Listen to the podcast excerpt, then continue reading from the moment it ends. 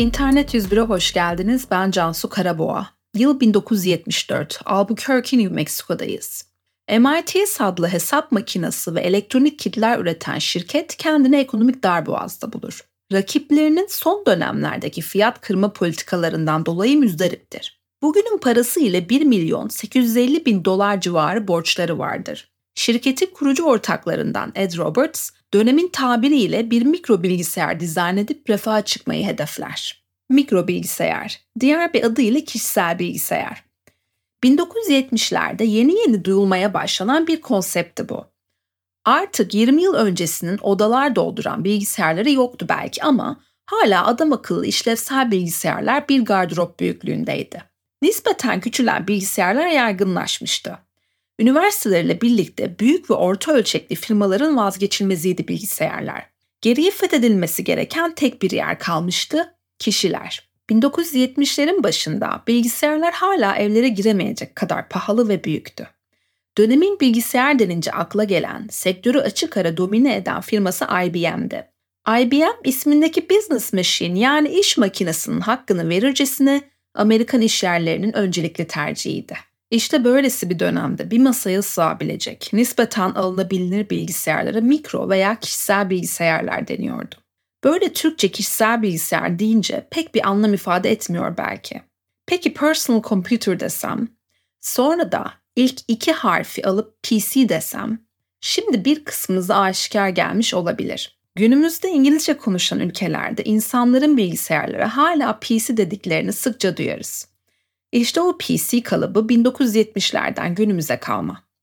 Bilgisayarların yeni yeni evlere girdiği, lüks veya niş bir hobi değil, televizyon ve radyo gibi sıradan bir cihaz olmaya aday olduğu dönemlerden günümüze yadigar. Yani Ed Roberts iş yerleri için değil, meraklılarının hobi amaçlı kullanabilecekleri bir bilgisayar yaratma kararı alıyor. 1974'te hesap makineleri ve elektronik kitler üreten bir firma nasıl oluyor da mikro bilgisayar üretmeye kalkıyor diye düşünmüş olabilirsiniz. Öncelikle o dönemin hesap makinelerinin zaten içerik olarak bir mikro bilgisayardan çok farkı yok. Yani sade kek yapıp satan bir firmanın doğum günü pastası imalatına geçmesi gibi.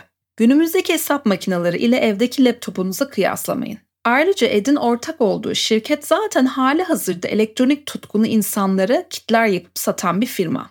Lisedeyken birçoğumuz pil ile elektronik düzenek yapıp ufak bir ampulü yakmıştır. İşte bu tarz kitler hazırlayıp satıyor MITS. Parçalar hazır, kişi satın alıp evde kurulumunu yapıyor. Netice olarak Ed Roberts'ın üretmek istediği mikro bilgisayar bir kit halinde olacaktı. Parçalar halinde alıcıya ulaşacak, alıcı kendi kuracaktı. Elektronik ve teknoloji meraklılarına oyuncak misali. Muhtemelen ticari olarak hesap makineleri ve o zamana kadar ürettiği diğer kitlerden birazcık daha yüksek üretim maliyeti olsa da katma değer olarak daha yükseğe satacağını düşündü. Bu şekilde şirketi batmaktan kurtarabilecekti. Velhasıl Ed Roberts kafasına koyduğunu yapar. Bir mikro bilgisayar kiti üretir. Altair 8800. Bir metal kutu düşünün, ön yüzünde tuşlar ve ışıklar olan. Ne bir ekranı, ne klavyesi, ne delikli kart okuyucusu var. Üzerindeki tuşlarla mekanik kodlama yapabiliyorsunuz. Ki 70'lerdeyiz artık tuşlarla mekanik kodlama falan kalmamış. Hafızası küçücük, hiçbir işe yaramıyordu desem yere. Kendi çağına göre dahi çok ilkel bir metal kutu. Fakat bu metal kutu iki şeyi başarır. Öncelikle Ed Roberts'ın firması MITS'i kesinlikle borç batağından kurtarır. Bir de öyle bir kelebek etkisi yaratır ki Microsoft ve Apple gibi iki dev teknoloji markasını hayatlarımıza sokar. Altair 8800 türünün ilk örneği değildi. Ondan başka mikro bilgisayarlarda üretilmişti daha önce fakat Altair kadar popüler olanı olmamıştı. 1975'te Popular Electronics adlı derginin editörü Ed Roberts ile iletişime geçer. İkilinin öncesinden tanışıklıkları vardır. Popular Electronics'in editörü Ed Roberts'ın bir bilgisayar kiti üzerinde çalıştığını bilmektedir ve kendisinden makale için bilgiyi, fotoğraf ve hatta cihazın kendisini ister. Ed ilk Altair hazır olur olmaz kargoya verir fakat bu ilk bilgisayar hiçbir zaman dergiye ulaşmaz. Grev vardır ve bir yerlerde kaybolur. Dergi yine de fotoğraflar ile makaleyi yayınlar. Satışlar Ed Roberts'ın tahminlerinin çok üzerinde sonuçlanır ve Ed Roberts ismini bilgisayar tarihine istemsizce de olsa yazdırmış olur. Hasbel kadar gelen bu sektörel başarıya rağmen Ed 1982 yılında 41 yaşındayken üniversiteye geri döner. Tıp doktoru olmak gençlik hayalidir. 47 yaşında bu hayali gerçekleşir ve doktor olur. Maalesef Ed çok uzun bir ömür sürmez. 2010 yılında 68 yaşında akciğer rahatsızlığından vefat eder. Söylenti odur ki Ed'in ölümünden birkaç gün önce Bill Gates hastanede kendisini ziyaret eder. Belki de Bill ilk patronu olan Ed Roberts'la vedalaşmak istemiştir. Ne de olsa Ed Roberts olmasaydı Altair 8800 olmayacaktı. Altair olmasaydı Microsoft olmayacaktı. Başka bir hikayeye doğru yelken açalım. 60'ların sonlarında Seattle, Amerika'da bir özel lisedeyiz. Bu lisenin bir bilgisayarı var. Evet, bu o dönem için oldukça nadir bir durum. Okulun bilgisayarına dadanan öğrencilerden ikisi 10. sınıfa giden Paul Allen ve 8. sınıfa giden Bill Gates. İkili ortak ilgi alanları olan bilgisayar üzerinden dostluk geliştirmişler. Aralarına Kent Evans ve Rick Wyland da katılınca ekip tamamlanıyor. Ortaya bir bilgisayar kulübü doğuyor. Doğru zamanda doğru ailelere doğmuş parlak zekalar bunlar. Okulun ihtiyacı olan bir yazılım geliştirmekten tutun, güvenlik açığı bulup ücretsiz bilgisayar kullanmaya ve bu yaptıkları fark edilince başlarını derde sokmaya kadar bir dolu macera yaşıyorlar. Paul Allen üniversite sınavından full çekip Washington State Üniversitesi'ne gidiyor. Fakat mezun olmadan ayrılıp Honeywell'de yazılımcı olarak işe başlıyor. 1975 yılının Ocak ayında Popular Electronics dergisinin kapağında Altair 8800'ü görüyor Paul ve işte diyor yazılıma ihtiyacı olan bir cihaz. O sırada kankası Bill Harvard'da ön hukuk dersleri alıyor. Ailede pek çok kişinin avukat olması münasebeti ile Bill'i de ailesi hukuk okuması yönünde ikna etmiş. Tabi aile bir gün Paul'un tüm bu planı bozacağını nereden bilebilir? Paul dergiyi görünce Bill ile iletişime geçer. Bu bir iş fırsatıdır. İkili Ed Roberts'a ulaşıp Altair 8800 için bir yazılım geliştirdiklerini söylerler. Bu Ed'in göz ardı edemeyeceği bir konudur çünkü sadece tuşlarla mekanik kodlanabilen bir bilgisayar olan Altair bu iki gencin iddiaları doğru ise basic yazılım dilini algılayabilen daha modern bir cihaza dönüşecektir. Ed Roberts bu fırsatı tepmez. Gelin gösterin ne yapabiliyorsunuz bakalım der. Fakat ufak bir sorun vardır. Paul ve Bill aslında böyle bir yazılım geliştirmemişlerdir. Zaman kaybetmezler. İki hafta gibi kısa bir süre içinde programı yazarlar. Yazarlar ama test edebilecekleri bir alterleri dahi yoktur. Paul kodları alıp uçağa atlar ve New Mexico'nun yolunu tutar. Kodların Altair'e yüklendiğinde çalışacağı umuduyla. Ve umdukları olur, kod çalışır. Bill ve Paul sayesinde Altair artık sadece tuşlarla değil, kod ile programlanabilir hale gelmiştir. Bill bu gelişmenin ardından Harvard'ı bırakır. İkili Albuquerque, New Mexico'ya taşınır. Bir müddet MITS şirketinin tam karşısında olan ucuz bir pansiyonda konaklarlar. Geceleri Bill ve Paul Altair üzerinde çalışırken dışarıda seks işçileri ve uyuşturucu satıcıları kol gezer. Bir yıla kalmadan Microsoft kurulur. İsim babası Paul Allen'dır. Micro Computer Software'ın kısalmış versiyonudur Microsoft. Aynı yıl içinde Bill ve Paul lise arkadaşları Rick Wyland'ı Microsoft çalışanı olarak işe alır. Rick Stanford Üniversitesi'ni bırakıp New Mexico'ya gelir. Anlayacağınız Paul sayesinde bir kişi Harvard, diğeri Stanford diplomasından vazgeçer. Eminim ki yine lisedeyken bilgisayar kulübünün bir parçası olan Kent Evans'da yaşasaydı Microsoft'un bir parçası olurdu. Ki Kent Bill ile çocukluktan beri arkadaştı, aileleri tanışıyordu. Ne yazık ki Kent Evans henüz lisedeyken bir dağ tırmanış aktivitesi sırasında zamansızca hayatını kaybetmiştir. Tekrardan başka bir paralel hikayeye geçelim. 1975 yılının Mart ayında Altair'in dergiye çıkmasından iki ay sonra bir bilgisayar kulübü kurulur. The Homebrew Computer Club. Ev yapımı bilgisayar kulübü diye çevirebiliriz. Kulüp üyeleri Stanford Üniversitesi'nde toplanırlar. Üyeler isimden de anlaşılacağı gibi bilgisayar meraklılarından oluşmaktaydı. Grup düzenli olarak buluşup elektronik değiş tokuşu yapıyor, bilgisayarlar üzerine konuşuyor ve hatta küçük çapta amatör bilgisayarlar geliştiriyorlardı. Kulüpte tabii ki bir Altair de vardı. The Homebrew Computer Club'ı günümüzün robotik kulüpleri gibi düşünebilirsiniz. Düzenli katılım sağlayanlar arasında genç Steve Wozniak ve Steve Jobs da vardı. İki Steve 1971 yılında bir ortak arkadaş tarafından tanıştırılmıştı. İkisi de elektronikten hoşlanıyor ve eşek şakalarını seviyordu. Kaynaşmaları uzun sürmemişti. Steve Wozniak elektronik konusunda çok yetenekliydi. Çiplerden anlıyor, devre kartlarını sıfırdan tasarlayabiliyordu. 1975 yılında Apple bir adını verdiği bir bilgisayar tasarladı. Tabii ki bu eserini Homebrew'daki arkadaşlarıyla paylaştı. Herkes oldukça etkilenmişti, Steve Jobs da dahil olmak üzere. Jobs, kısa sürede Apple 1'de bir ticari potansiyel gördü ve Wozniak'ı daha fazlasını üretip satmaları adına ikna etmeye çalıştı. Wozniak başta çekimserdi bu fikre karşı. Ne de olsa hobiste yaptığı bir devre ponusuydu bu onun için. Ama Jobs Wozniak'ın aklını çelmeyi başardı. Ki zaten bu iki Steve'in ilk ticari girişimi de olmayacaktı. Birkaç yıl önce Jobs, Wozniak'ı yaptığı Mavi Kutu adındaki telefon cihazlarını satmak için de ikna etmişti. Bu cihaz insanların para vermeden uzun mesafe araba yapmasını sağlıyordu. Steve Wozniak tıpkı Apple 1'de olduğu gibi bu mavi kutuyu da tamamen kendisi için hobi amaçlı geliştirmişti. Belki birazcık da müziklik olsun diye. Ama Steve Jobs durmamıştı ve onu da satmak istemişti.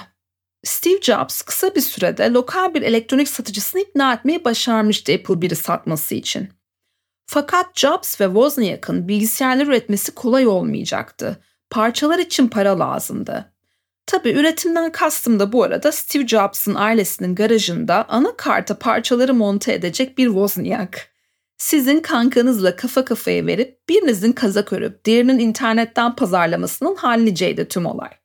E tabi konu Steve Wozniak ve Steve Jobs olunca biriniz manipüle ve ikna yeteneği müthiş yüksek bir satıcı, diğeri ise elektronik dehası oluyor.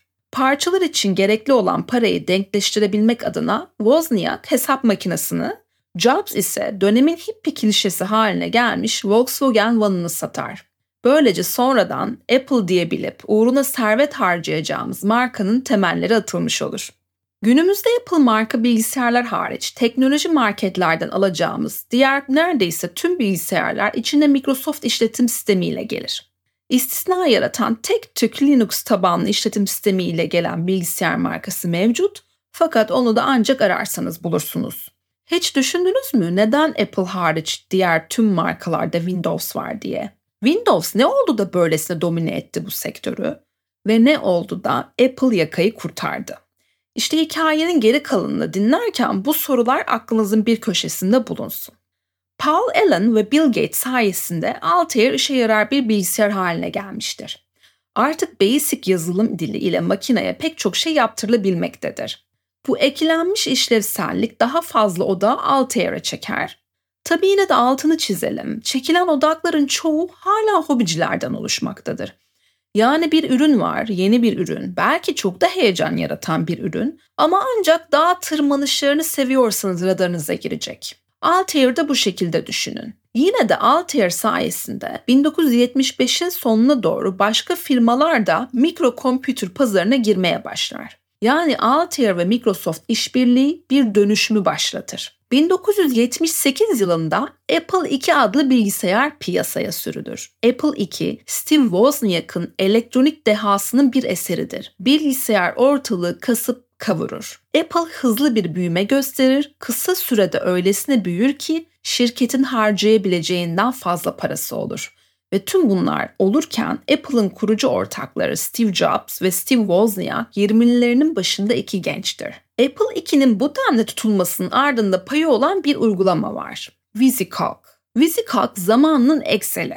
Apple 2 sadece teknoloji meraklısı hobicilere hitap etmesin diğer insanların da ilgisini çeken bir şey olsun içinde olsun ki daha çok satılsın diye düşünen Apple VisiCalc'ı satın alır ve bu hamle işe de yarar. Beyaz yakalıların kesinlikle ilgisini çeker. Apple 2 artık teknoloji severlerin dışındaki insanların da radarına girmeye başlamıştır. Kişisel bilgisayar çağı tam anlamıyla başlamış ve dört nala koşarken IBM uzaktan olup biteni seyretmektedir. IBM mikro bilgisayarları küçük görmüş, hatta tutacağını bile düşünmemiştir. 1979'a gelindiğinde IBM yanıldığını anlar ve pazardan payını almak ister. Hatta pazarı bu yeni yetme 20'li yaşlardaki çocukların yönettiği firmalara bırakmak istemez. IBM'de kurul toplanır, meseleyi enine boyuna tartışırlar.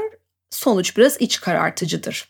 Mikro bilgisayarlar için geç kalmışlardır. Çünkü geleneksel bir işleyiş yapısı olan IBM adeta kendi içinde bir ülke gibidir. İçeride acayip bir bürokratik yapı vardır ve bu bürokratik yapıya uyarak gelenekleri bozmadan hareket ederlerse sadece boş bir kutuyu piyasaya sürmeleri bile aylar alacaktır. Bu da pazara girmeye iyice geç kalmaları ve belki de mikro bilgisayar hayalini hepten veda etmeleri demektir. Hızlı olmaları tek çaredir. Ne pahasına olursa olsun. Çözümü open architecture'da bulurlar. Açık mimaride. Yani yapacakları bilgisayarın parçaları toplama olacaktır. Çipleri Intel'den, hard diskleri bir başkasından, yazılım ve işletim sistemini de Microsoft'tan alacaklardır. Bu IBM için bir ilktir. Bir nevi IBM'in mikro bilgisayarı fason üretimdir. Hikayenin bu kısmında merceğimizi tekrar Microsoft'a çevirelim. IBM bu toplama bilgisayarın yazılımsal kısmı ve işletim sistemi için Microsoft'un kapısını çalar. IBM konunun acemisi olduğunu daha buradan belli eder. Çünkü Microsoft işletim sistemi hizmeti vermemektedir. Onları karşılayan Bill Gates seve seve Arduino yazılımı konusuna yardımcı olacaklarını söyler, imzalar hemen atılır. İşletim sistemi için ise IBM'i Gary Kildall'ın firması Digital Research'e yönlendirir. Gary Kildall camiada bilinen bir akademisyen ve iş insanıdır. Rivayete göre Bill Gates Gary'i telefonla arar ve imzaladığı gizlilik metinlerinden ötürü üstü kapalı bir şekilde Gary'e onu önemli birilerinin ziyaret edeceğini, onları iyi ağırlaması gerektiğini söyler. Gary, Bill'i belki ciddiye almaz, belki alır ama IBM kadar büyük birinin ziyaret edeceğini hayal edemez. Kim bilir? Çünkü IBM Digital Research'ı ziyarete gittiğinde Gary orada değildir. Bir müşterisini ziyarete gitmek üzere yola çıkmıştır. IBM'i Digital Research'ın kurucu ortağı karşılar. IBM Digital Research'ten gizlilik sözleşmesi ve benzeri evrakları imzalamasını ister. Her ne olursa olur ve işler burada ters gitmeye başlar. Konu üzerinde farklı yorum ve rivayetler var. Bir kısım Digital Research'ın gizlilik sözleşmesini imzalamak istemediğini söyler. Diğer bir kısım ise IBM'in Digital Research'ın işletim sistemi olan CPM'in tüm haklarını satın almak istediğini ve Digital Research'un bunu onaylamadığını söyler. İkincisi bence daha doğru olanıdır. Günümüzde hala pek çok kaynakta Gary Kildall ve şirketi Digital Research negatif lanse ediliniyor. Büyük bir balığı elinin tersiyle itmiş, kendi topuğuna sıkmış ve bu yüzden tarih sayfasında yerini alamamış bir şirket gibi. Ben bu görüşleri haksız ve maalesef cahilce buluyorum. IBM'in Bill Gates vesilesiyle Digital Research'e gittiği 1979 yılında Gary Kildall kendini hem akademik hem ticari olarak kanıtlamış birisi. Doktorası var, üniversitede hocalık yapıyor. Intel'de uzun yıllar çalışmış. CPM adında bir işletim sistemi geliştirmiş ve bu işletim sistemini zaten hali hazırda pek çok mikro bilgisayara satan bir şirketin sahibi. Yani 1979'da Microsoft'ta kimse bilmez iken Digital Research tanınıyor. Dönemin Bill Gates'i Gary Kildall. Microsoft'u da Digital Research.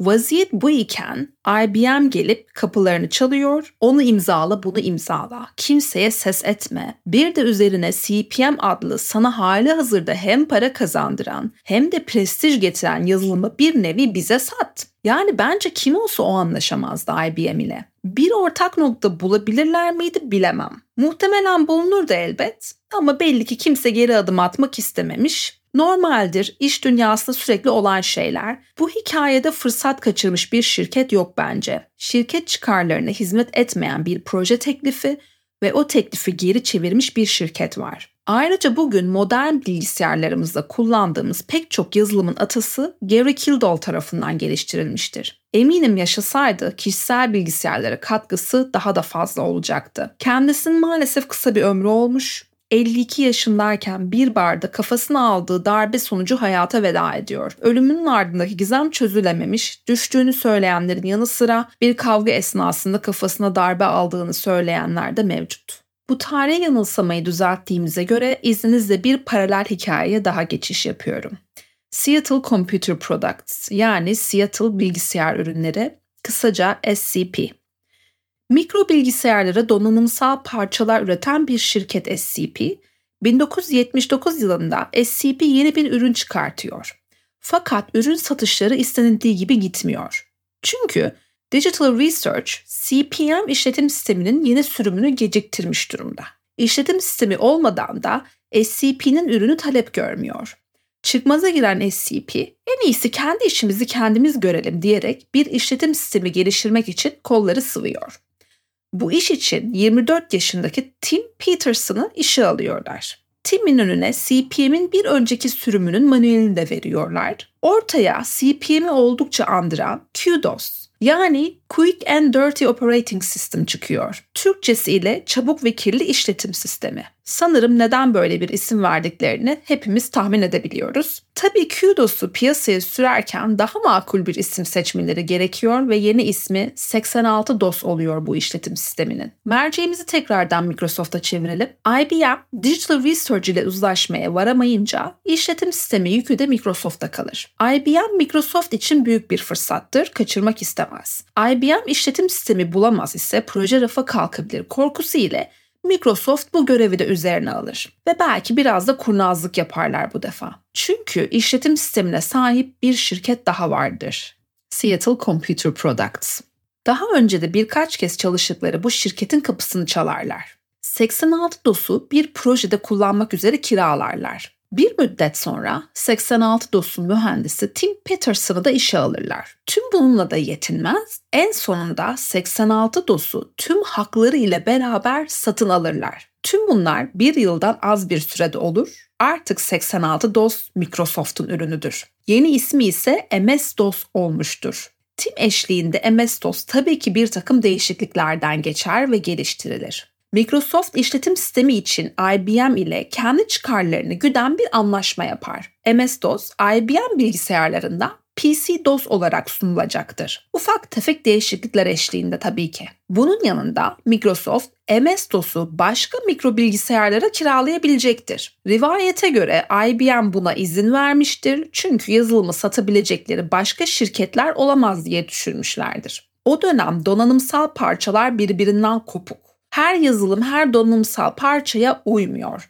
MS-DOS'un başka bilgisayarlarda çalışabilmesi için IBM'in bilgisayarının tıpkısının aynısı olmalıydı. Ve IBM bunun olabileceğini düşünmüyordu. Ne yanıldılar tabii. Rakip firmalar tersine mühendislik yaparak kısa sürede IBM'in bilgisayarını klonlayacak hatta daha iyisini yapacaktı. Ve Microsoft'un MS-DOS'u satabileceği çokça potansiyel müşterisi olacaktı. Tüm bunlar olup biterken Microsoft Seattle Computer Products'a tabii ki IBM'den bahsetmez. IBM bilgisayarı piyasaya sürdüğünde hem Digital Research hem Seattle Computer Product ile davalık olurlar.